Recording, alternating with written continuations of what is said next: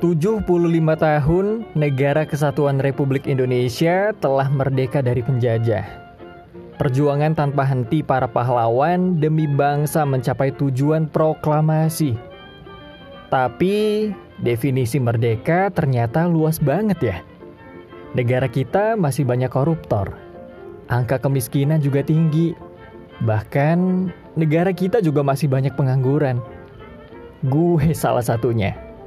Apalagi di era pandemi ini, gue bener-bener gak ada kegiatan selain di rumah.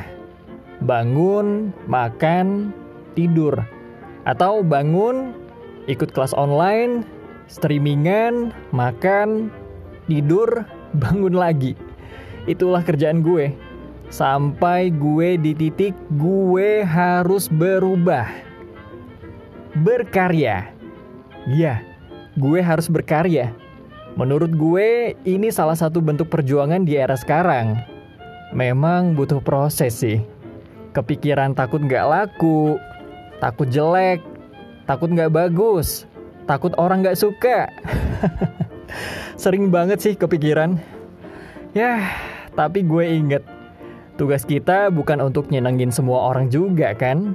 Lakuin aja yang terbaik, terus berkarya dan gue akan bangga dengan karya gue, karya lo, dan karya kita semua. Dirgahayu Indonesiaku, aku bangga buatan Indonesia.